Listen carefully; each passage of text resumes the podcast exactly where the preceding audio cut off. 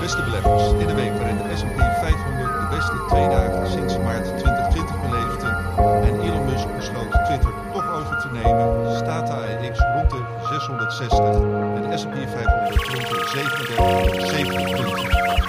50 vragen over beleggen. Dit is voorkennis. There are three ways to make a living in this business. Be first, be smarter, or cheat. I don't cheat. Beleggersbelangen presenteert voor kennis. Ja, beste beleggers, leuk dat jullie weer luisteren. Eh, ik ben eh, Johan Brinkman en ik eh, mag weer de presentator zijn. Gasten als eh, van oud zou ik zeggen, Karel Merks en eh, Stefan Hendricks. Eh, gezien de extreme gebeurtenissen de laatste dagen op de financiële markten hebben we een eh, wat andere opzet dan eh, normaal. Ehm, we gaan eh, nog uitgebreider dan eh, normaal eh, terugblikken op de afgelopen dagen. En we hebben één hoofdonderwerp en dat is ja, waar je in welke sectoren en bedrijven je als belegger wel moet zijn, wel nu moet instappen om ja, het komende jaar en verder rendement te behalen. Ehm, en, want ja, het zijn hele volatiele markten en ja, het is niet vanzelfsprekend dat als je instapt dat er over een, eh, een jaar rendement eh, is bijgeboekt. Eh, maar eerst dus uitgebreid terugblikken en hebben we afgesproken dat we met, bij Karel beginnen. Dus Karel, zeg wat vond jij het meest opvallend afgelopen week? Nou, ik denk dat 28 september een dag is die de geschiedenisboekjes in mag. Ah, daar houden we van. Ja, zeker. Want ik heb heel, nee, ik ben al bijna een jaar, sinds november 2021, heb ik een hele duidelijke mening. En die mening is, centrale banken zullen blijven doorgaan met het verhogen van de rente. En tegelijkertijd zullen zij eh, beginnen met het afbouwen van hun eh, balansen. Ja. En 28 september eh, was de dag waarop ik compleet verrast werd door de Bank of England. Ja. Want zij begonnen weer met assets kopen voor tientallen miljarden ponden. En ik had nooit verwacht dat ze dat zouden doen met een inflatie van rond de 10%. En dat was het, nou ja, noem het maar even, internationale startschot om te gaan speculeren dat de ECB en de Fed eh, ook even zullen gaan eh, draaien van beleid op het moment dat het eh, ook hier tegen gaat zitten. ja, nou voordat we op de kans daarop verder doorgaan. Eerste vraag van, eh, ja, wat waren de specifieke omstandigheden waardoor de Bank of England tot dit besluit kwam? Misschien is het goed om voor jou te pakken, Stefan. Oh, de- daar had je me even. Wat was de. ja. Ik, zat, ik zat nog even wat te schrijven. Ja, wat, eh, wat, wat maakte dat de Bank of England tot dat besluit kwam? Want dat is wel opmerkelijk inderdaad. Nou ja, het startte volgens mij allemaal met, de, eh, met het mini-budget van de nieuwe minister van Financiën, quasi Kwarteng in het Verenigd Koninkrijk. Kamikaze eh, was de term volgens mij die daar later op van toepassing was. Eh, een, een wel heel ruim begrotingsbeleid. ehm, onder meer eh, verlaging van belastingtarieven, van het hoogste belastingtarief. Eh, zorgen over de financiering daarvan, die eigenlijk eh, vooral bestond uit het maken van nieuwe schulden. Daardoor vloog de Britse tienjaarsrente en alle andere rentes eigenlijk omhoog. pond omlaag. Dat zette weer bij een, een groot aantal pensioenfondsen. Die werken met eh, liability-driven investing, volgens mij. LDI, in pensioenfondsen ook nog. Ehm, dat zorgde allemaal voor eh, benauwde situaties, die gestegen Britse rente. En toen moest er natuurlijk iets gebeuren, want het liep heel erg uit de, uit de hand. Eh, ja, en, en wie is er dan om daar iets aan te doen? Nou, als de regeringen het niet doen, ehm, en, en de premier was toen nog niet bereid om te draaien, eh, ja, dan eh, eh, blijft de centrale bank over. Dus dat werd de Bank of England. En die sprong in om eigenlijk, ja, toch kunnen zeggen, het Britse financiële systeem te redden. Ja, en eh eventjes terug dan, hè, hè, want had, had die minister van Financiën en zijn premier, hadden die, die reacties op de financiële markten nou niet gewoon kunnen voorzien? Ja, ik. Ik lees ook veel Britse kranten en daar is men zelden heel erg complimenteus over de nieuwe premier. Eh, over de, zeg maar laat ik zo zeggen, aan de intelligentie van de minister van Financiën wordt in zoverre niet getwijfeld. Hij schijnt eh, heel erg goed te zijn in Latijn en zelfs ook gedichten te kunnen schrijven in Latijn. Ehm, maar dat wil niet zeggen dat het ook een hele goede minister van Financiën is. Ja, had men dit niet kunnen zien aankomen. Dit is wel een beetje voor gewaarschuwd natuurlijk. Maar ehm, ja, ik denk, dit, dit toch een beetje onderschat. Wat, eh, wat dit op de financiële markten teweeg zou brengen. En ik denk dat, het, eh, dat als je aankomt met een. Kijk, eh, tal van nationale overheden ehm, nemen tal van maatregelen. om in ieder geval de gestegen energieprijs tegen te gaan. Dat zie je in Duitsland, een pakket van 200 miljard. Nou, in Nederland kunnen we er ook wat van. Frankrijk doet er wat aan. Overal gebeurt eh, wat aan. Maar dit was nog, zeg maar, daarbovenop. Hè. Ehm, de minister van Financiën en de nieuwe premier. Die zetten dan in op groei, groei, groei. eh, volgens, het, eh, volgens hen in ieder geval. Het Margaret Thatcher model. Ja, en dat baarde de markt een beetje zorgen. Want inzet op groei, groei, groei. eh, zonder dat daar eigenlijk een hele harde financiering aan de andere kant tegenover staat. Maar gewoon meer tekorten. Ja, dat leidt ook tot misschien wel meer inflatie, inflatie, inflatie. Ja, en dat deed de alarmbellen heel erg hard rinkelen. Ik weet ook niet waarom men het zo verkeerd heeft ingeschat. Uh, het was wel ontzettend veel feest bij een aantal hedge funds die al tegen het uh, pond had gespeculeerd. Dus het was niet dat er ja, dat niemand hier in de markt rekening mee had gehouden.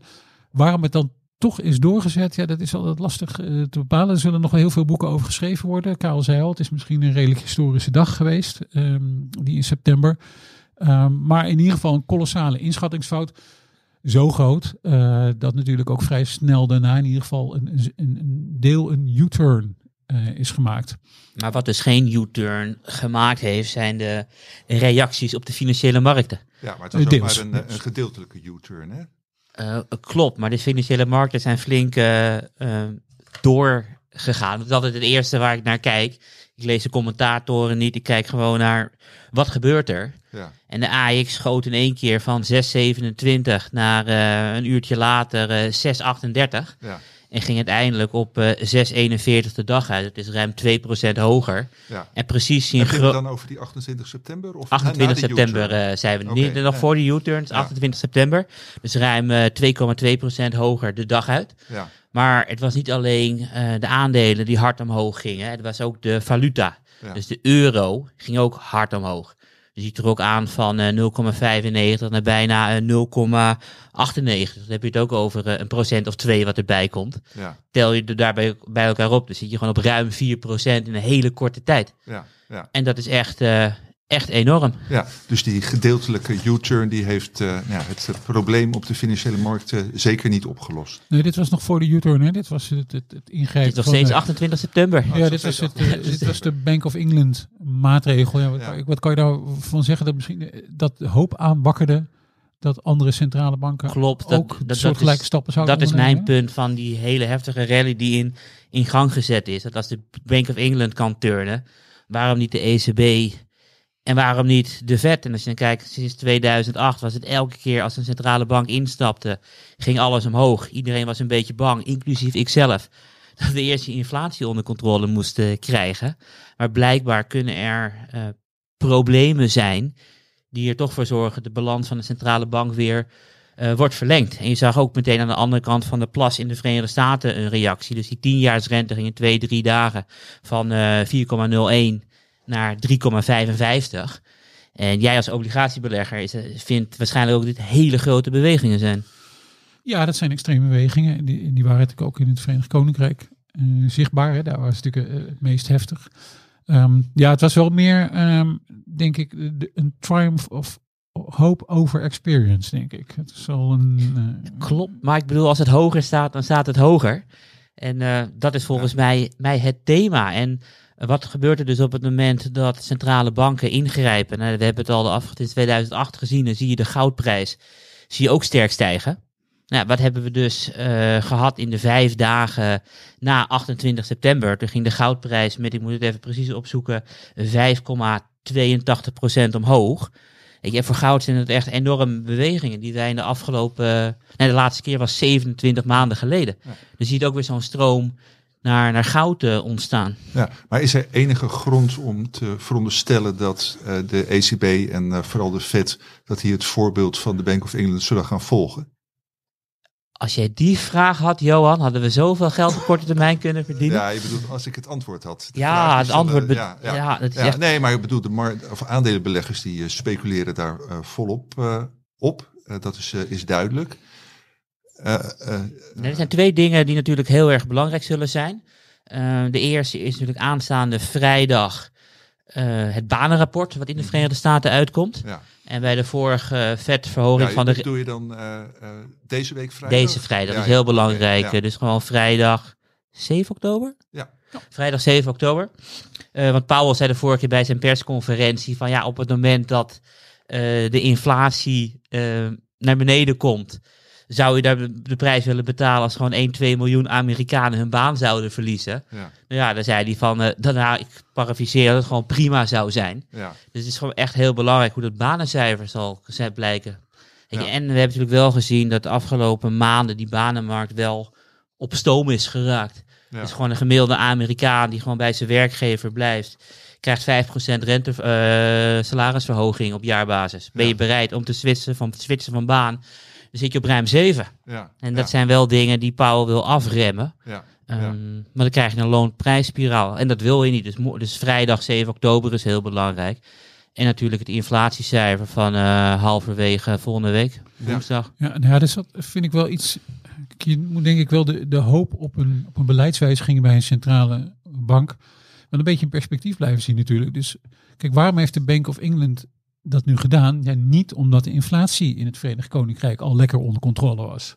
Maar omdat, het, eh, omdat de Bank of England vreesde voor het financiële stelsel in het Verenigd Koninkrijk. Dat is heel wat anders. Dus ehm, ja, waarom dan de conclusie getrokken zou worden. Het heeft me sowieso heel erg verbaasd dat de, de ECB en de Federal Reserve dan ook wel van beleid zouden veranderen. Ja, dat doen ze misschien wel op het moment dat het financiële systeem in de eurozone en in de VS ook in gevaar is. Niet omdat de inflatie. Dit is een heel mooi bruggetje, Stefan. Ik bedoel, is, is de eurozone niet al eh, in gevaar? Want je hebt natuurlijk afgelopen week ook heel fanatiek gekeken naar Credit Suisse natuurlijk. Een zakenbank waarbij eh, de CDS zijn gestegen tot hogere wanbetalingsrisico's dan in 2008. Ja, we hebben een paar, paar dingen gezien die misschien wel een beetje eh, zo van, van die eh, vage herinneringen aan 2008 eh, weer bovenbrengen. Inderdaad, Credit Suisse was daar onbedoeld wel eentje van. Ja, want eh, leg eens uit, eh, Stefan, als je wil, wat daar eh, precies aan de hand is en wat, waarom dat gevaarlijk kan zijn. Nou, er was, eh,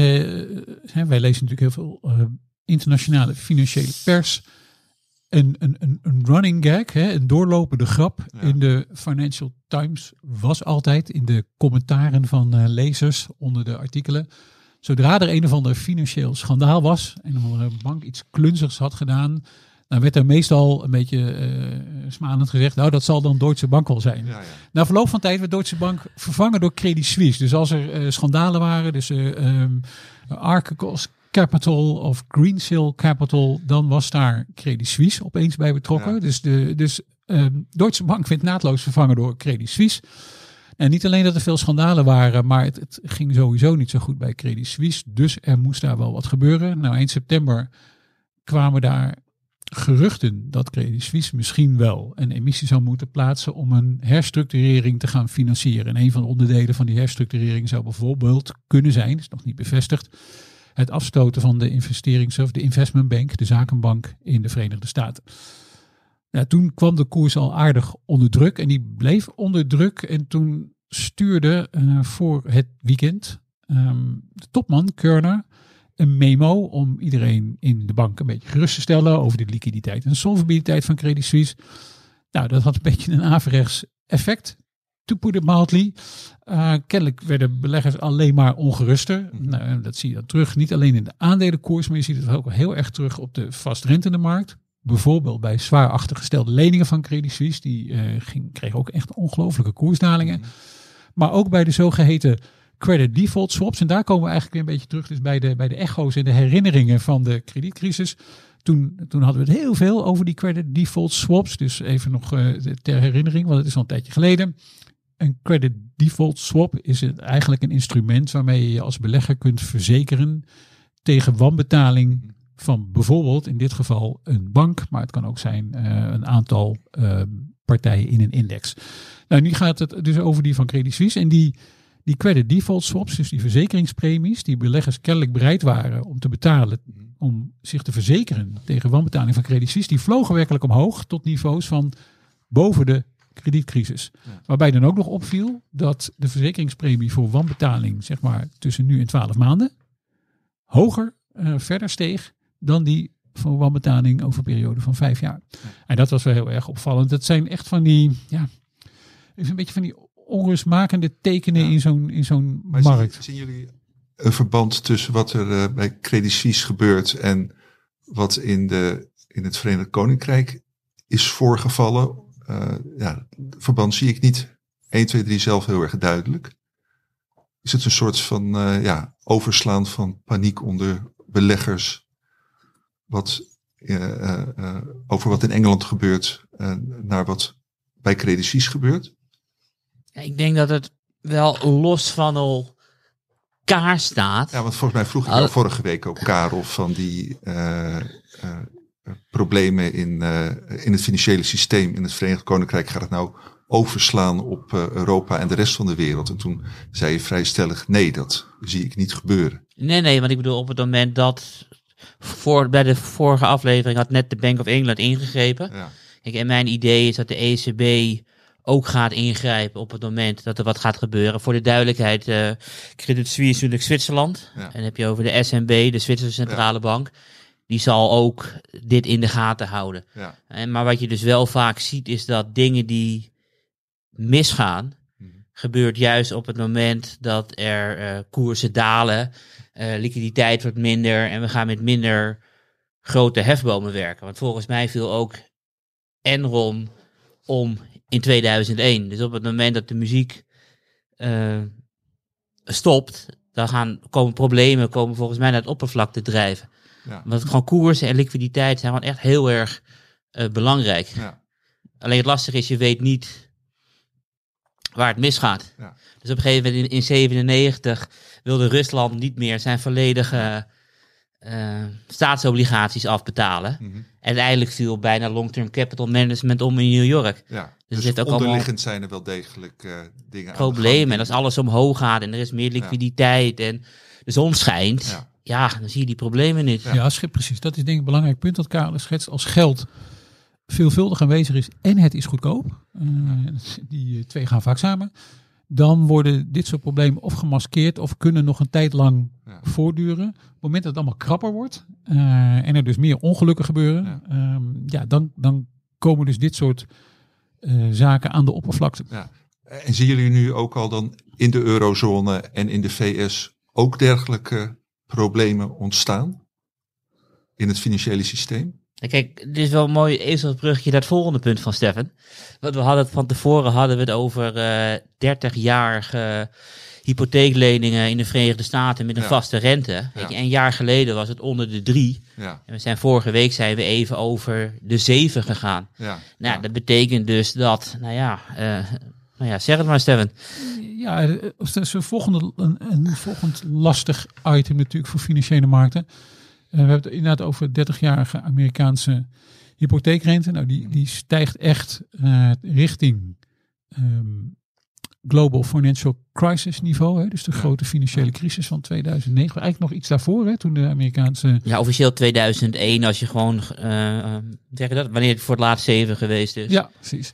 En dat gaat ook, het ging heel erg hard. En dat heeft natuurlijk gewoon een effect op de huizenmarkt. Nou, je ziet het in Nederland ook al. Volgens mij was het vandaag bekend geworden. Hè? Ehm, op kwartaalbasis eh, huizenprijzen gedaald. Ja, dat is ook een, eh, dat is ook een probleem van, Ja. eh, van financiële markten. En dat is dus, komt er nog allemaal bovenop. Natuurlijk heeft het Ja. allemaal weer gevolgen voor eh, bestedingen van consumenten, consumentenvertrouwen, et cetera. Dus het, het zijn allemaal, nou, het is ook, de grootste gemene deler hiervan is natuurlijk allemaal stijgende lange rente. ja. Ja. Klopt. En, en wat ik ook nog even wil bespreken in de voorbespreking, want misschien komen we niet aan toe, dus ik ga het gewoon eh, nu eruit gooien. Ja. Van hoe, hoe extreem enthousiast het beurssentiment, beurssentiment deze maandag en dinsdag was. Ja. Want ik Ja. volg een aantal eh, indicatoren en één daarvan is de TIC-index. Het is een hele makkelijke index. Ja. Wat op het moment dat er een aandeel eh, van de New York Stock Exchange eh, omhoog tikt, Ja. Ja. is het een 1. En dan tel je ze allemaal op, tik het naar beneden, is het min 1 en dan haal je er vanaf. Ja. En als je dan kijkt op maandag eh, half vier Nederlandse tijd, dan ging New York ging open. Ja. Toen stegen er 2024 aandelen meer dan dat er daalde. Oké. En het was eh, nog maar één keer eerder voorgekomen in de geschiedenis. Dat was in Ja. 2020 toen het er 2049 waren. Ja. alles vloog eh, omhoog op die maandag. En het was een hele positieve dag, want de S&P eh, steeg 2,6%. En dinsdag gingen we daar nog een keertje overheen met 3,1%. Ja. En met al die volatiliteit lijkt het niet zo bijzonder, maar het is het wel. Ja. Want als je dan teruggaat naar wanneer was de laatste keer dat er twee keer een dag was van 2,5% stijging, Ja. dan zit je dus in 2008, Ja. 14 jaar geleden, en dan meteen eh, vier keer achter elkaar. Ja. Dus het is niet echt een teken van kracht op het moment dat je meerdere dagen achter elkaar stijging hebt van 2,5% of meer. Ja, want uh, Stefan, dat zei jij uh, vanochtend ook toen we deze podcast voorbespraken. Er zijn uh, mensen die heel erg blij werden maandag en dinsdag, maar jij schrok je rot, zei je. Ja, dit soort stijgingen roept in eerste instantie natuurlijk, ja, iedereen zit, die belegt heeft natuurlijk liever groene dan rode cijfers. Maar de aanleiding was er niet zo sterk, nou dat hebben we al uitgebreid besproken. Maar de reactie was vrij uh, heftig. En dit soort hele heftige opwaartse koersreacties, zonder dat je eigenlijk een hele sterke aanleiding ziet, maar meer uh, wat hoop, waar we het net al over hadden. Hoop dat misschien centrale banken uh, wat, hè, het, het verkrappend beleid wat een beetje gaan afbouwen, of in ieder geval niet zoveel verkrappen. En er waren ook een paar renteverhogingen die ietsje minder sterk uitvielen, volgens mij in Australië en Nieuw-Zeeland, als ik me niet vergis. Dat dat het, ja, je kan misschien wel zeggen dat de Bank of Australia ook al gepivot heeft. Want we hadden een tijdje dat zij yield curve control hadden. Dus ze kochten gewoon onbeperkt uh, uh, leningen op uh, als de rente te ver steeg. Daar zijn ze mee gestopt. Ja. Hebben ze weer vrijgelaten. Ja, maar ja, dus... zijn die beleggers dan zo gek? Want jij noemt dan nu nog een voorbeeld van een uh, centrale bank die gedraaid is. En uh, ja, dan als je dan uh, ja, wat speculatief bent ingesteld, dan waag je het er toch op dat uh, andere banken, met name de Fed en de ECB, dat ook zullen gaan doen. Ja, klopt. Maar ik denk dat heel veel beleggers er niet naar kijken. Want uh, het lijkt alsof het slecht gaat op de beurs. Ja. Maar als je dan niet kijkt naar de afgelopen zes maanden, maar je kijkt naar de afgelopen twee jaar, Ja, dan staat de Dow plus 34 ja, en de AX staat plus 24,71. En dan tel ik dividenden, tel ik dan eventjes mee. ja, Dus op een termijn van twee jaar zou je kunnen zeggen dat je gewoon koersen hebt. Nou ja, eh 11,5 uh, gemiddeld per jaar voor de AX en 15,6 uh, voor de Dow Jones. ja, Wat gewoon goed is. ja. Dus het is niet dat het rendement op een periode van twee jaar zo slecht was. En hoe komt het nou? We hebben natuurlijk een, een fantastische periode gehad. Want twee jaar is natuurlijk, eh, wat is het, begin oktober eh, 2020. Ja. En alles spoot keihard omhoog toen eh, Trump de verkiezingen niet won. En in dezelfde week had Pfizer een vaccin natuurlijk voor het eh, coronavirus. Of een Ja. goedgekeurd vaccin. Weet je, toen gingen we heel hard omhoog. Maar op een periode van twee jaar valt allemaal wel mee. Dus ik denk dat beleggers er niet naar kijken. Die vinden het saai, het interesseert ze niet. Want de afgelopen twintig jaar heeft het niet zoveel uitgemaakt. Uiteindelijk komt de centrale bank altijd te hulp. Ja, ja. Nou ja, overigens eh, heb ik het idee, je hebt natuurlijk grote uitslagen, maar dat de per saldo, eh, eh, als je naar de belangrijkste graadmeters kijkt, die vanaf nou, juni eh, zijwaarts bewegen. Ik bedoel, volgens mij staan we nu niet lager dan, eh, dan juni. Ehm, eh, ja, zijn beleggers inderdaad in het voorjaar eh, heel erg eh, geschrokken van de inflatie en de invasie, maar ja, kabbelt het eigenlijk sinds die tijd een beetje door. Ja, klopt. En de meeste mensen denken ook dat echt de heftigste invloed natuurlijk de, infla de, de oorlog in Oekraïne geweest is. Ja. Maar als je dan kijkt naar de meest eh, paniekerige dag van heel dit jaar. Met paniekerig bedoel ik de meest volatiele te koers, het heftigst bewogen. Ja, ja, Dat is geloof ik de tweede of de derde week van januari. ja, En de reden was eh, de rente die toen heel hard steeg. En waar iedereen echt schrok en die fix naar 39,5 ging. Ja. En we hebben nooit meer die 39,5 gehaald. Volgens mij zijn we nu op 30 denk ik met de fix-index.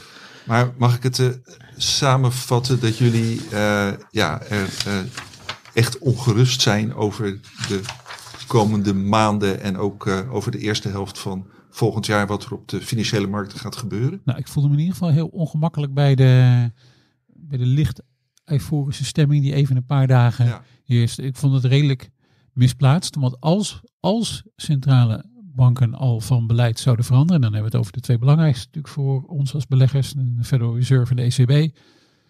Ja, dan zal dat niet zijn om fantastische redenen. Want dan betekent dat we volop in een eh, recessie zitten waar de bedrijfswinsten nog heel erg in elkaar kunnen kukkelen. Dus zelfs als die, die pivot, die draai, ja, zou komen, is dat ook nog niet eens om een reden waar je als belegger dan heel erg voor moet gaan juichen. Mag ik daar een kritische vraag over stellen, Stefan? Eh, nou, als die niet te moeilijk is, mag dat wel. Nee, nee, ik bedoel, als je bijvoorbeeld kijkt, bedoel, wanneer was de low eh, van de SPX en de low van de AEX in, in maart 2020? Het was volgens mij op 16 maart. En eh, de grootste economische klappen en ook mijn grootste angst persoonlijk was, was eind maart. Want eind maart zeiden we, oké, we gooien de grenzen eh, in Nederland dicht. We mogen niet meer de grens over, marechaussee bij de grens, et cetera. Het coronavirus komt eraan. We, we moesten gaan thuiswerken. Er werden heftige maatregelen genomen. De economie begon te krimpen. Maar omdat de Federal Reserve twee weken eerder had gezegd van... We pompen eventjes eh 600 miljard dollar in de markt. Begon alles te stijgen. Het was gewoon een, een V-shape recovery. Dus ook al ging het economisch dramatisch. De beurs was gewoon één rechte lijn omhoog twee weken voordat de zware lockdowns hier Ja. begonnen. En dat is dus jouw vraag, gaat dat nu ook niet gebeuren? Nou ja, maar mijn vraag is meer van als centrale banken draaien om een eh, verkeerde reden, dus economisch gaat het slecht, Ja. en er wordt meer liquiditeit in het systeem gepompt, waarom zou het nu anders zijn dan die andere keren van de afgelopen jaren dat de centrale bank instapte? Dus maakt het voor de beurs uit hoe het economisch gaat? Nou, eh, goede vraag, Karel. Eh, ja, heel goed. Oh, ik dacht dat ik ook meteen een antwoord ging geven. Hè? Jammer. Nee, nee, Eh, daar ben ik niet voor. Dat, eh, oh, ah, dat is waar ook. Ehm, ja, dat is wel een hele goede vraag, maar die heeft, ik denk één component die erbij zit, is toch gewoon inflatie en, en energie. Dat is gewoon iets wat totaal anders is dan toen. En het is maar de vraag of dat eh, inflatiespook nu inderdaad begraven is. Hè? Want dat zou eigenlijk de enige echte reden moeten zijn voor die centrale banken om te gaan draaien. En nou ja, goed, de inflatiecijfers in Nederland zien in ieder geval nog steeds heel erg akelig uit. Mhm. Ehm, en ook in de rest van Europa is het nog niet echt fantastisch goed. Dus je zou toch mogen verwachten dat centrale banken dit probleem in eerste instantie maar eens onder controle zouden willen krijgen. Dus dat maakt eh, de kans op een draai misschien al niet zo groot. En nogmaals, als die, als die draai noodzakelijk is, dan zitten we al sowieso heel erg in de problemen natuurlijk. Want dan hebben we ons een, eh, een, een recessie eh, ingepraat of ingewerkt met inflatie. Nou, dat is helemaal een onaangename eh, combinatie. En nu vind ik het heel erg lastig dat eigenlijk centrale bankiers en overheden een beetje tegen elkaar in aan het werken zijn. Dus de centrale bankiers trappen op de rem en de overheden gooien er miljarden tegenaan om het allemaal nog een beetje behapbaar te houden Ja. voor burgers en bedrijven. Lijkt me een mooie afsluiting van deze zeer eh, Nou. uitgebreide terugblik. Nee, nog nee, meer nee. We hebben nog veel meer, Johan. Ja, ik, ja, bedoel, Ah, ik heb allemaal een, grafieken. eh, Nee, maar het was echt, kijk, ik, ik overdreef vanochtend niet toen ik zei het was echt een extreme beursweek. nou. Want als je dan kijkt naar afgelopen maandag, en dat mag jij Steven hoor, ik zal het heel kort houden, dan kijk ik naar de zilverprijs. Die spoot met 8% omhoog. Ja. Ik bedoel, het is echt enorm. Ik bedoel, het is één keer voorgekomen in, in 2014. Dus de zilverprijs stijgt het snelste van de afgelopen acht jaar. Ja. Eh, Stefan, doe jij nu jouw ding? En misschien heb ik nog wel wat grafiekjes. eh. Nou, een paar dingen, Johan, die toch ook nog wel opvallend zijn. En die eh, ook nog ergens wel herinneringen oproepen aan een periode waarin het lastig was. Bijvoorbeeld de coronacrisis, maar ook Brexit. Was dat er een aantal Britse vastgoedfondsen heeft besloten ehm, eh, de onttrekkingen eigenlijk niet meer mogelijk te maken. Ehm, eh, na, de, na de paniek eigenlijk van het eh, mini-budget van eh, dus de nieuwe regering Truss in eh Trussonomics en in Liz We Trust. Je kon, je kon ook eh, eh, koffiebekers kopen, geloof ik, van 15 pond, waarvan op Twitter al rondging. Misschien moet je deze nog maar snel ko- kopen. Ja, We weten ja. niet hoe lang. Maar goed, Nee. eh, ehm, eh, dat terzijde. Maar toen ontstond er natuurlijk toch wel paniek. Dan ontstaan er onttrekkingen bijvoorbeeld in fondsen die eh, open-ended zijn. Dat wil zeggen dat je er dus voortdurend in kunt handelen. Maar die zelf dan weer beleggen in instrumenten die niet zo makkelijk verhandelbaar zijn. En dat vastgoed behoort daar natuurlijk toe. Waardoor je ehm, soms ziet, en bij een aantal fondsen was dit nu dus weer het geval, een drietal in ieder geval in het Verenigd Koninkrijk, waardoor je dus die eh, onttrekkingen eigenlijk niet kunt doen. Dus als ik me niet vergis, is er een fonds van eh Schreuders. Dat zijn nou een aantal van die onttrekkingen. Dat vraagt meer tijd. En dat kan zelfs doorlopen tot volgend jaar. Mhm. Eh, ja, omdat het natuurlijk vastgoed verkocht moet worden. Nou, dat heb je natuurlijk niet zomaar verkocht. Nee. En dat viel toevallig nou, misschien ook niet toevallig, samen met de publicatie weer van een hoofdstuk van het ehm, Global Financial Stability Report van het IMF, waarin ehm, weer werd gewaarschuwd over juist deze combinatie. En daarom riep dat ook weer herinneringen op eh, bij mij aan eerdere crisis. De combinatie van een beleggingsinstrument dat heel vlot verhandelbaar is, dus op dagbasis, maar dat belegt in instrumenten, instrumenten die niet zo vlot verhandelbaar zijn. Nou, vastgoed hebben we net als voorbeeld gehad, maar eh, bedrijfsobligaties en obligaties uit opkomende landen zijn daar ook een voorbeeld van. Eh, daar waarschuwde het IMF voor en die stelde ook voor, ja, er moeten nu toch wel wat maatregelen genomen worden. Ben benieuwd of die ook ingevoerd worden, want die maatregelen die, eh, waar het IMF over sprak, die hebben eigenlijk allemaal betrekking op het eh, ontmoedigen of het kostbaarder maken van onttrekkingen aan dit soort fondsen. Dus ofwel eh, via nog een extra fee, ofwel dat, je, dat de net asset value aangepast wordt op het moment dat je die onttrekkingen doet als belegger. Met andere woorden, ik denk dat iedereen die belegt in dit soort producten gewoon nog eens even weer extra goed na moet denken voor welke termijn heb ik die, eh, kan dit mij ook overkomen. Want uiteindelijk, eh Karel, ehm, corrigeer me als ik het mis heb, maar tijdens de coronacrisis moest de centrale bank, was het niet de Federal Reserve, ook nog inspringen bij een aantal ETF's om in ieder geval voor te zorgen dat er liquiditeit was. Dat klopt. De, ja, de, dat klopt. Volgens mij was onder andere de IHG met haar yield leningen. Ja. En het grappige was, eh, volgens mij in een statuten uit 1913 toen de Fed werd opgericht stond in van je mag geen eh, bedrijfsobligaties kopen. Ten strengste verboden, want we zijn een kapitalistisch systeem. En als een bedrijf je niet redt, laat het maar failliet gaan. Dus ze hebben zich netjes aan de wet gehouden. Zijn naar eh, de minister van eh, Financiën gegaan. Gezegd, hier heeft u zoveel miljard. Wil de Amerikaanse overheid die obligaties kopen? Dan kocht de Amerikaanse overheid die obligaties. En zo heeft de Fed nog nooit die bedrijfsobligaties gekocht. Helemaal juridisch eh, afgedekt. Ja, het is dus een waarschuwing van het eh, IMF. Het is ook een beetje de taak natuurlijk van zo'n Global Financial Stability Report om over dit soort dingen te berichten. Maar het is denk ik wel iets eh, voor ons als belegger om toch weer even in je achterhoofd te houden. Zeker als jij zelf bijvoorbeeld dit soort producten in portefeuille hebt en, en je, ja, je zou die in paniek, heb je het gevoel dat je misschien die graag zo wil verkopen of dat je er hoe dan ook van af wil. Nou, is dit wel iets om in je achterhoofd te houden, denk ik. Ja, helder.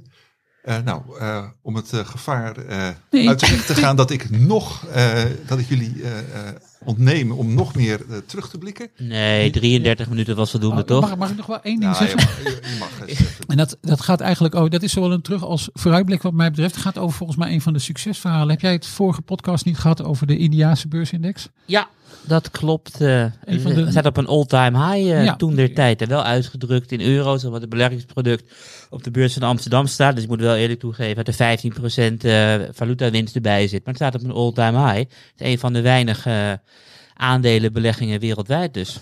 Ja, dus, dus India is als aandelenmarkt, zullen we maar zeggen, een van de lichtpuntjes dit jaar. Er had mogelijk ook de Indiaanse obligatiemarkt bij kunnen komen. eh, want de verwachting was eigenlijk dat JP Morgan, en dat is de, eh, de samensteller van een, ja, denk ik wel de belangrijkste obligatieindex van opkomende landen, werd verwacht dat JP Morgan eh, ook de Indiaanse obligatiemarkt in roepies, hè, dus de lokale, de local currency markt, aan deze index zou gaan toevoegen. Ehm, en dat zou meteen wel een, eh, een, een flinke brok zijn. Dus eh, dat had misschien wel een weging tot 10% kunnen hebben in die index. En dan komen ze, eh, nou ja, dan hadden ze sowieso in de top 3 gestaan. Maar dat gaat dus niet door, opmerkelijk genoeg. Die stap was wel verwacht, maar JP Morgan heeft toch gezegd, nou, na consultatie met allerlei beleggers werd gezegd, ja, India is misschien toch nog niet helemaal klaar om opgenomen te worden in die index. En dat had dan vooral te maken met hoe kunnen die kapitaalstromen in en uit de Indiaanse obligatiemarkt dan plaats gaan vinden? Hoe wordt de clearing en settlement van dit soort eh, producten gedaan? Eh, kan men in India dergelijke grote eh, ehm, in- en uitstroom wel aan?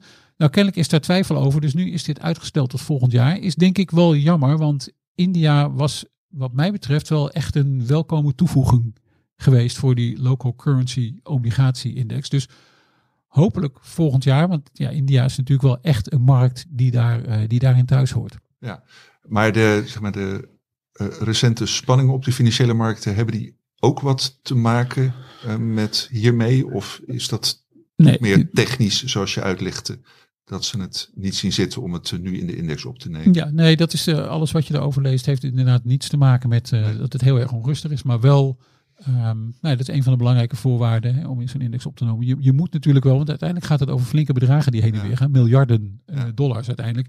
Daar moet zo'n eh, markt, en, en veel belangrijker nog, de beleggers die op die markt actief zijn, zich wel comfortabel bij voelen. Ja. En dat was kennelijk niet het geval. Nou, helemaal Punt. goed. Zijn wij eh, na 35 eh, minuten klaar met de terugblik en gaan we eh, wat anders doen.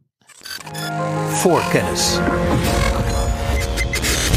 Ja, eh, beste luisteraars, jullie zullen het eh, wellicht niet geloven, maar ondanks dit eh, zeer spannende en extreme klimaat zien Stefan en Karel wel degelijk ook nog goede beleggingskansen in sectoren en bedrijven die het de komende tijd wel goed gaan doen.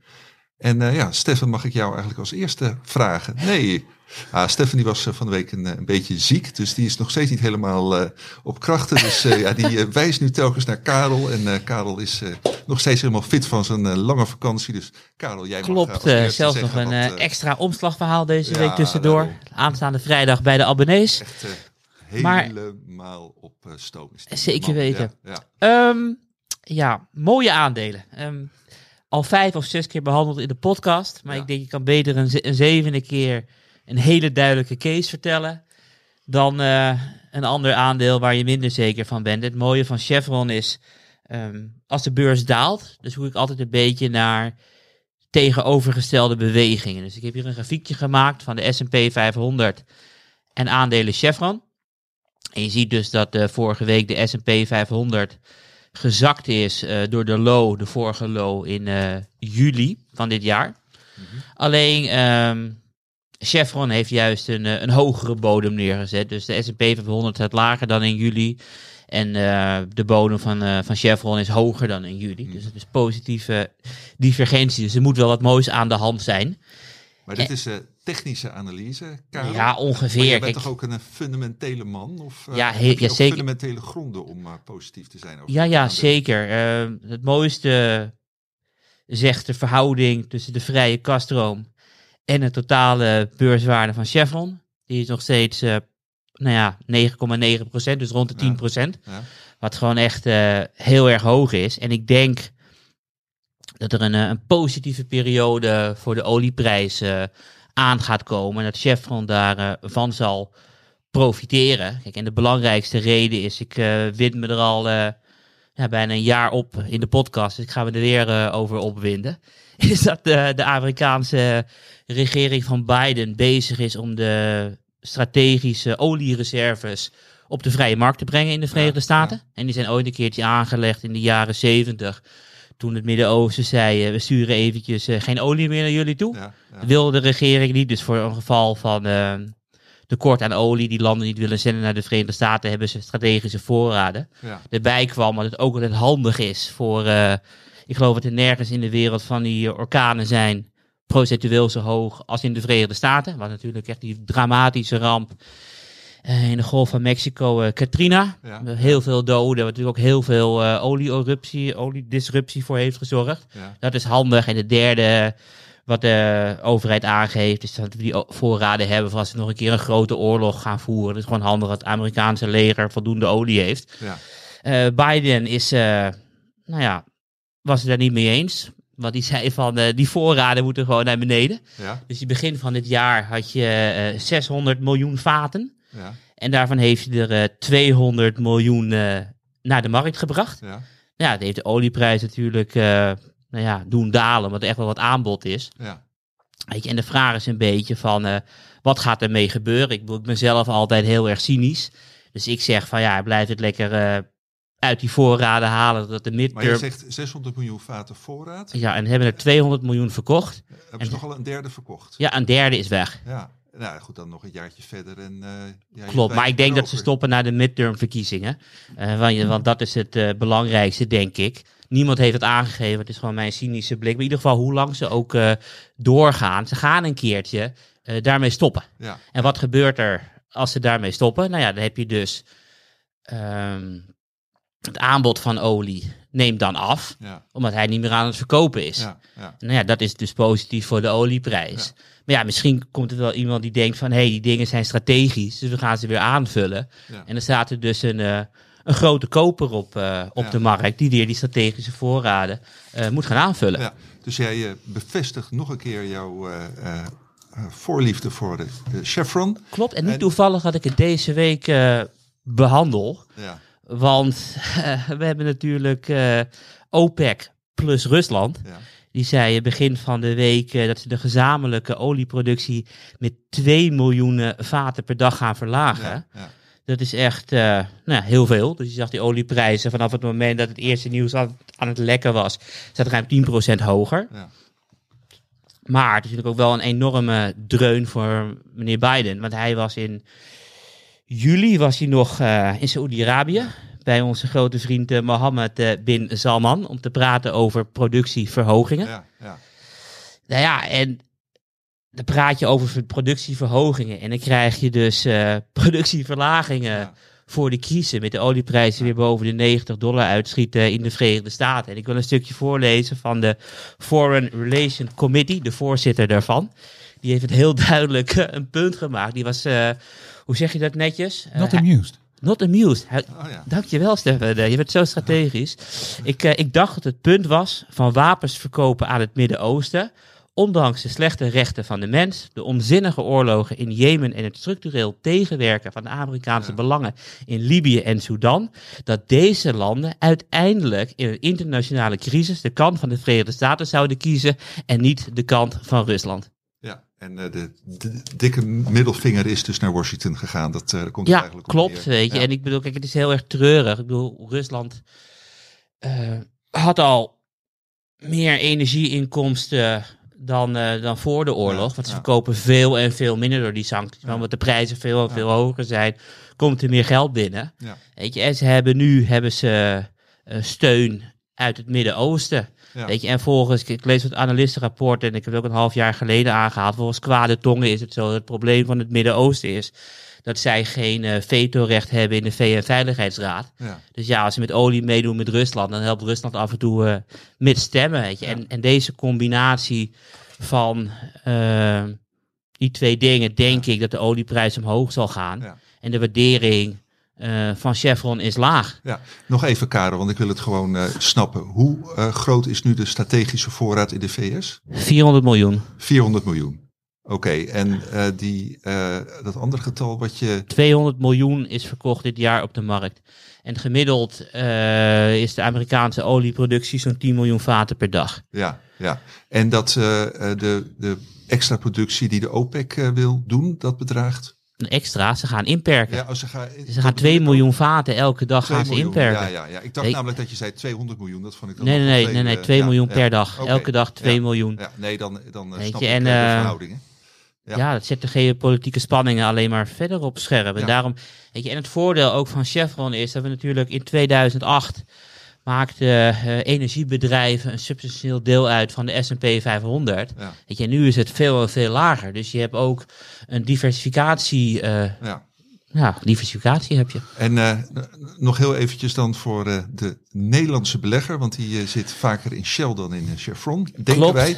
Ben je daar dan eh, ook zo enthousiast over, over Shell? Eh, minder, Ja, omdat je ziet dat de Verenigde Staten heb je heel erg eh, WTI, dat is olie eh, uit de Golf van Mexico. ja, En hier in Europa heb je, heb je Brent, die prijzen Ja. verschillen nog wel van, van elkaar. En wat je vaak ziet in de Verenigde Staten is ook heel erg afhankelijk van wat de, eh, de olievoorraden doen daar. Ja. En wat je in Europa ziet, je hebt natuurlijk een risico dat in Europa de overheden harder zal ingrijpen door gewoon belasting Ja. te zullen heffen op eh, overwinsten. Of overwinsten, overwinsten heet dat hè? Ja. O- overwinsten heet dat. Eh, los daarvan ben ik wel. eh, nee, en ze willen meer met duurzame energie doen. ja, Kijk, en op lange termijn denk ik dat duurzame energie de toekomst heeft. ja. Alleen ik denk dat je er eh, niks mee gaat verdienen. Kijk, en de reden waarom dat zo is. Eh, je, mag er, je, je kijkt een beetje kritisch, maar jij mag er zo tegen ingaan, Stefan. Ik bedoel, kijk naar eh, de zon. De zon is een van de grootste energiebronnen op de wereld. En je ziet ook dat elk jaar de prijzen van zonne-energie met eh 10% dalen. Ja. Nou, als je het gewoon even doorrekent naar 2060, Ja. is zonne-energie dusdanig goedkoop dat je daarmee heel veel ehm, van je energiebehoefte eh, kan invullen. Ja. Kijk, het voordeel van olie is, dat kan je claimen, die is Ja. van mij. Ja. Ik denk niet dat iemand eh, de zon kan claimen. Dus gewoon duurzame energiebronnen zullen ervoor zorgen dat op termijn van, van 50 jaar de energieprijzen echt heel erg laag worden. Echt heel erg laag. Ja. En dit is een thema waarvan ik denk, ik heb altijd gezegd 5 à 10 jaar. Als een soort, het is 2000, we gaan nog 5 à 10 jaar inspelen op eh, mensen die roken. Ja. Eh, en, en dan lopen die aandelen lopen wel eventjes door als ze maar vanaf een laag genoeg eh, waardering Ja. Ja. je ze kan kopen. Los daarvan denk ik dat Shell sowieso een positief rendement zal behalen de komende jaren. En ik durf dat niet van de AX zo stellig te zeggen. Dus vandaar dat ook Shell bij ons eh, op koop staat. Maar als je dan kijkt naar de favoriet van mijn sector, is dat eh, Ja. Chevron ook opgenomen in de eh, defensieve portefeuille. En volgens mij is het ook een, een core positie in de hoogdividendportefeuille. Dus het is wel een van beleggersbelangen die we echt heel erg goed volgen. En het is ook altijd fijn als Warren Buffett mee met ons koopt. Ja, dat eh, doet die Warren goed. S- eh, Stefan, wil jij hier nog wat op zeggen?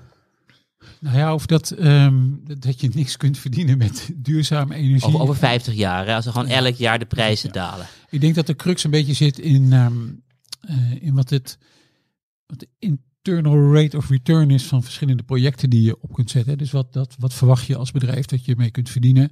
Een van de lastige zaken volgens mij voor oliebedrijven, waar Chevron dus eigenlijk niet zoveel mee te maken heeft, omdat, omdat ze in Amerika nu eenmaal wat anders aankijken tegen energietransitie. die man zegt letterlijk bij, bij de persconferentie. eh, u, als u in duurzaam wil in- investeren, dan gun ik u van harte. Ik verhoog elk jaar een dividend. Ik verhoog al 34 jaar elk jaar dividend. U krijgt elk jaar meer geld van mij.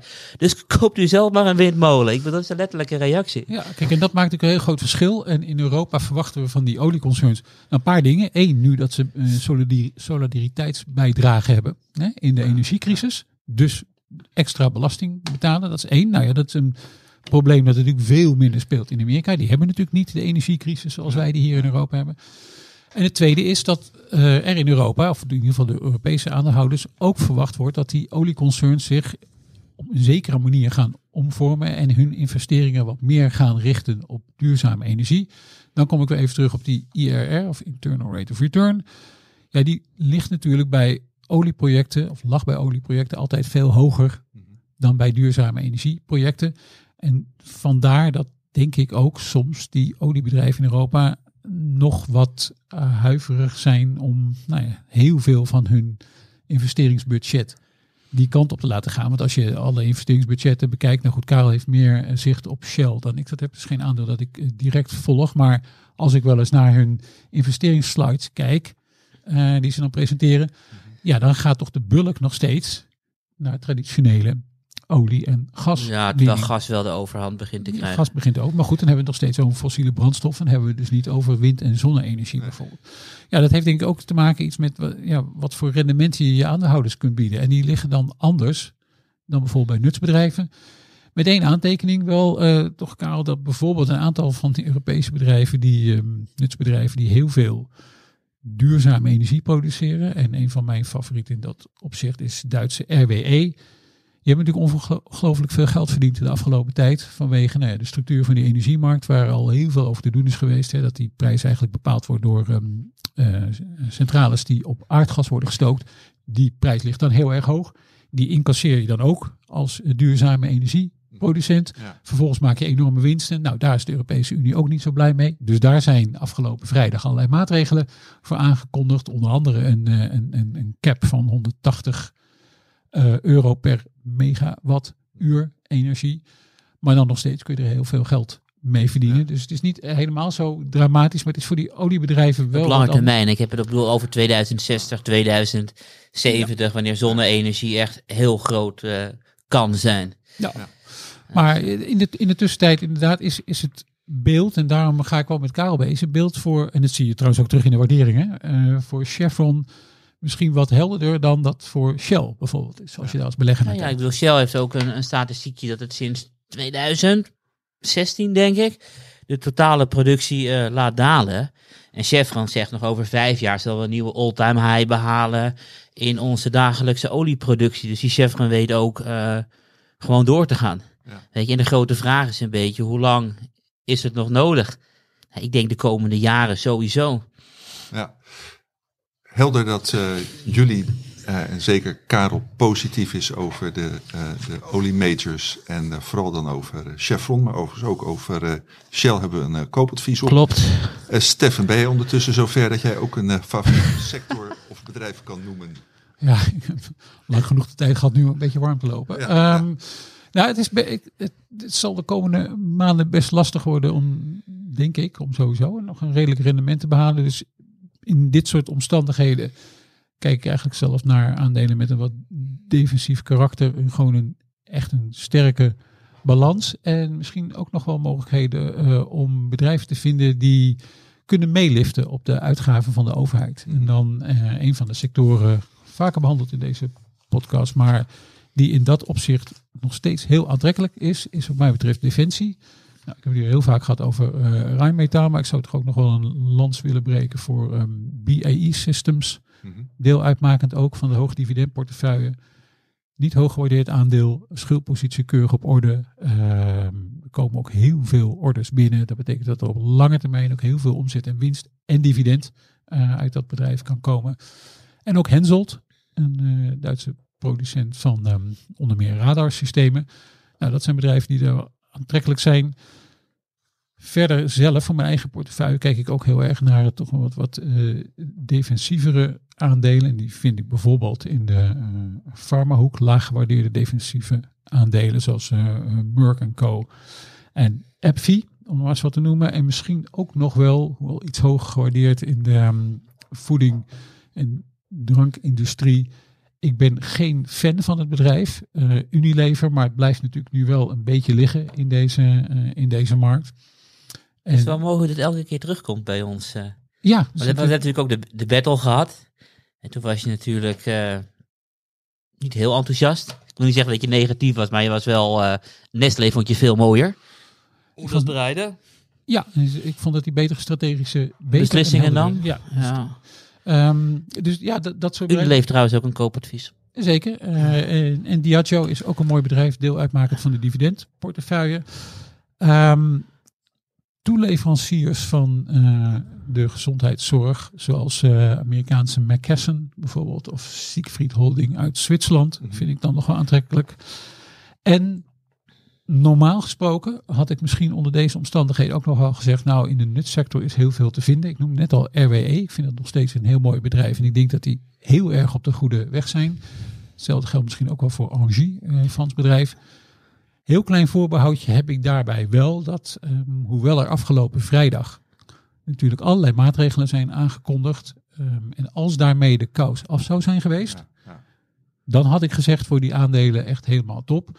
Ehm, ik vrees echter dat we de komende maanden, en ik zeg we als belegger in nutsaandelen, en want ik ben zelf een belegger in nutsaandelen. En ik heb eh, RWE in portefeuille, maar ook eh, eh, EIS, een Amerikaans nutsbedrijf, dat ook hele grote vorderingen maakt Ja. in eh, duurzame energie. Ehm, mooie bedrijven, maar ehm, ja, daar hangt nog wel, wat mij betreft, nog steeds een beetje dat overheidsingrijpen boven de Er is markt. één aandeel wat jij niet noemt. Die wel meerdere keren in de podcast eh, voorbij is gekomen. Omdat ze zo'n heel duidelijk eh, dividendbeleid hebben. En er altijd aan vast hebben gehouden. Wat er ook op de financiële markten gebeurt. Eh 1L. Ja, en Is, ja, dat, is de liefde over? nou de. ehm. En ja, daar zou ik bijna een hele podcast over kunnen vullen. Maar ik zie Johan, die, die kijkt al een beetje zo boos op mijn kant op. Dus dat, dat, dat zal ik dan niet doen. Waarom noem ik 1L nu niet? Ja, ik heb ze zelf eh, gekocht, dus Stefan. Dus ik ben wel heel benieuwd naar die eh, podcast. Oh, laten we dan de podcast maar afsluiten. Ja, dat is Ehm, een van de weinige dingen die ik uit de hoogdividendportefeuille de laatste maanden heb gekocht, die echt op een stevige min staat. De rest eh Ja. het uitstekend. Ehm, en wat is er eh, in een notendop eigenlijk, wat is er met 1L aan de hand? Die hebben ehm, twee zeg maar twee grote problemen. Eén is dat zij niet zo heel veel stroom verkopen op de zogeheten merchantmarkt.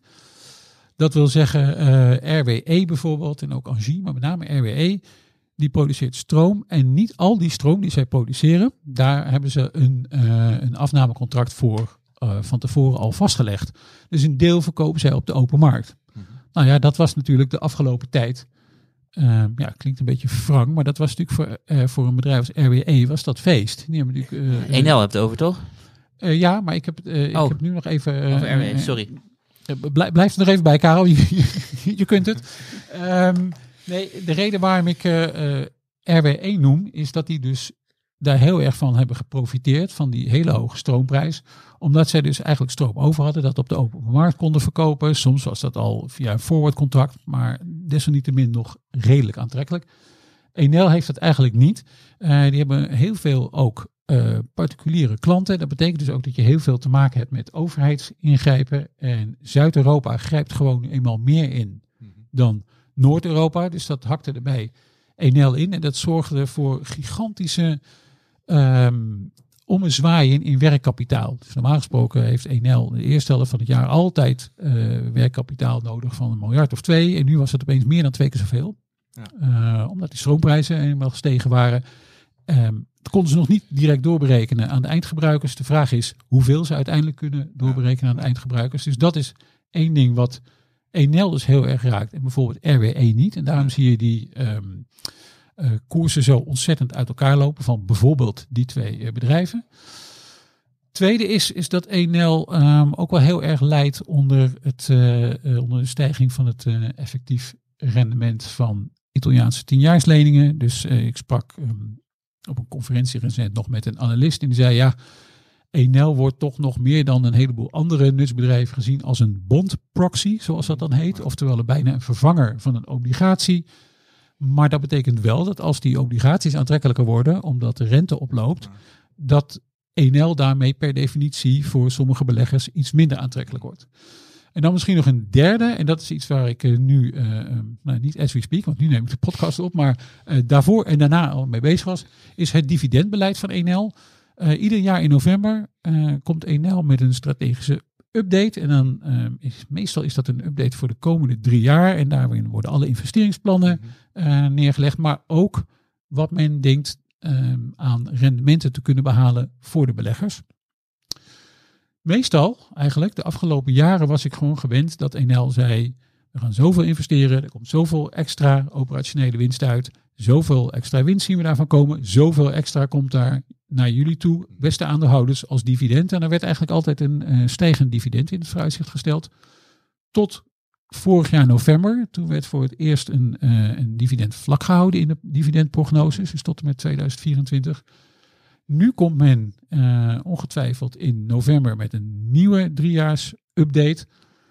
En dan moet ik het nog maar zien Ja. hoe dat dividend precies gaat lopen. Want Enel staat echt wel meer onder druk dan een aantal van die andere nutsbedrijven. En ja, in tegenstelling tot een, eh, tot een aantal anderen hebben ze ook niet heel veel Noord-Amerikaanse activiteiten. Dus ook weinig eh, dollarhulp. Ja. Weinig hulp van een markt met, met andere regulering. Dus ehm Enel heb ik hier inderdaad om, om die redenen niet genoemd. Omdat het wel eentje is die ik, eh, laat ik het maar zo zeggen, Johan. Op dit moment is er nog een koopadvies, maar wel eentje under review. Zoals dat zo mooi ja, heet. en eh, zit ook eh, in de hoogdividend portefeuille. Zeker, en in mijn eigen portefeuille ook. En, Maar dat terzijde. en, en ook terzijde over deze mooie bedrijven, deze mooie nutsbedrijven, ga jij zeer binnenkort een omslagartikel inleveren bij onze eindredactie. En als alles goed gaat, dan eh, kunnen de abonnees dat eh, volgende week eh, gaan lezen op onze Ja, website en in het e-magazine. We hebben aardig wat bedrijven en sectoren genoemd. Is er nog eentje die jullie willen toevoegen? Of Nou is ja, het wel mooi geweest? misschien nog eentje wel in, die, in de Amerikaanse infrastructuurbusiness. Ja. natuurlijk de, de, de plannen van de regering Biden gehad. Ik heb zelf eh, in, mijn persoonlijke tips dus eh, Jacobs Solutions, voorheen Jacobs Engineering. En getipt een bedrijf dat, eh, ja, zoals de engineering al zegt, dus het is een ingenieursbureau op eh, allerlei vlakken actief, maar ook heel veel eh, op duurzaamheidsvlakken. En dat is ook iets hè, mee investeren, misschien met de overheid. Dus, eh, dus defensie en duurzaamheid is denk ik wel ehm, eh, iets waar je als belegger de komende jaren nog wel op moet gaan letten. Ja, we gaan eh, linkjes eh, naar eh, de interessante bedrijven die we hebben genoemd allemaal in de show notes zetten. Ik tik nu op de knop en dan gaan we heel kort nog even vooruitblikken. Voorkennis. Karel, ik eh, begin eh, bij jou. Waar kijk jij met de meeste spanning naar uit? Je hebt het Meeste, oh dat vind ik een hele moeilijke. Eh, of eh, morgen vrijdag of aanstaande woensdag. Morgen kijk ik uit naar het Amerikaans eh, banenrapport. Het is weer de eerste vrijdag van de nieuwe maand. Ja, Ja, dat is eh, belangrijk. Ik bedoel, op het moment dat er weer vele honderdduizenden banen bij komen in de Verenigde Staten, dan weet iedereen de vet gaat harder afremmen. ja, Dus dat willen beleggers niet. Nee. Dus dat is belangrijk. Op het moment dat het eh, heel zwaar tegenvalt, Ja. zal het positief zijn voor de beurs, is mijn idee. ja, Daarna gaan we meteen door naar woensdag CPI-cijfers. Kijk niet naar de headline-cijfers, maar gewoon eh, naar de core. Ja. En dan eh maand on maand, dus hoeveel de afgelopen maand eh, ja. bij is gekomen. Ik denk dat het essentieel is en dan kan je weer naar een volgende trap. En de vet die volgens mij één of twee weken later weer is. Ja. En uiteraard kijk ik aan wie de volgende FedEx gaat worden. Oké, nou, lekker optimistisch. Nou ja, ik, bedoel, ik eh, kan me niet voorstellen op het moment dat kijk, Fed- FedEx zo'n winstwaarschuwing de wereld inknalt, dat zij de, enige. de enige Nee. eh, zullen zijn. Ik bedoel, eh, als je één kakkerlak ziet, dan zie je er meestal meer. Oké, eh, nou, helder. Eh Stefan, jij speciale dingen waar je naar uitkijkt? Nou, laat ik het dan maar beperken tot ehm, de Europese energiesector, dus de, de nutsbedrijven weer. Ik heb al gezegd, afgelopen vrijdag was er een akkoord tussen de Europese energieministers. Maar zoals ik ook al zei, dat is bij lange na nog niet het eind. Dus er blijft maar op Europees niveau gesproken worden of er een, een, een zogeheten cap, een maximumniveau aan de aardgasprijs moet komen waarmee elektriciteit opgewekt wordt om de zogeheten doomloop hè, te, eh, te doorbreken Ja, tussen ja. de almaar stijgende gasprijs en daarmee almaar stijgende stroomprijzen. Nou, daar, wordt daar wordt voortdurend maar over doorgepraat en, en er zijn verschillende meetings over, ook volgende week nog. Eh, en ja, nogmaals, het, het heeft helaas ontzettend veel invloed nu. Het zorgt voor heel veel onrust. Eh, sector die ik heel graag volg, de nutsector, waar ook hele mooie bedrijven tussen zitten. Maar die hebben maar voortdurend te maken met dit soort overheidsingrijpen. Eh, zoals ik ook al hoorde over Angie, die dan opeens een, weer een overeenkomst hebben over hun waterkrachtcentrales met de Franse overheid, waar dan ook weer een, een, een revenue sharing cap in zit. Ja. Eh, het, het maakt het niet makkelijk, dus, maar het is wel iets om heel goed te blijven volgen. Ja, oké. Eh, nou, helder. Eh, dank jullie wel, eh, Karel en Stefan, voor de zeer uitgebreide terugblik en alle ja, goede sectoren en bedrijven die jullie hebben genoemd. Ik zeg nog richting luisteraars dat vragen aan de redactie van deze podcast van harte welkom blijven op voorkennis.beleggersbelangen.nl. Dank jullie wel nogmaals, Stefan en Karel. Volgende week zit Stefan hier weer en dan met Michiel. En eh, ik ga afsluiten. Tot eh, volgende week. There are three ways to make a living in this business. Be first, be smarter, or cheat. I don't cheat. No, I don't cheat.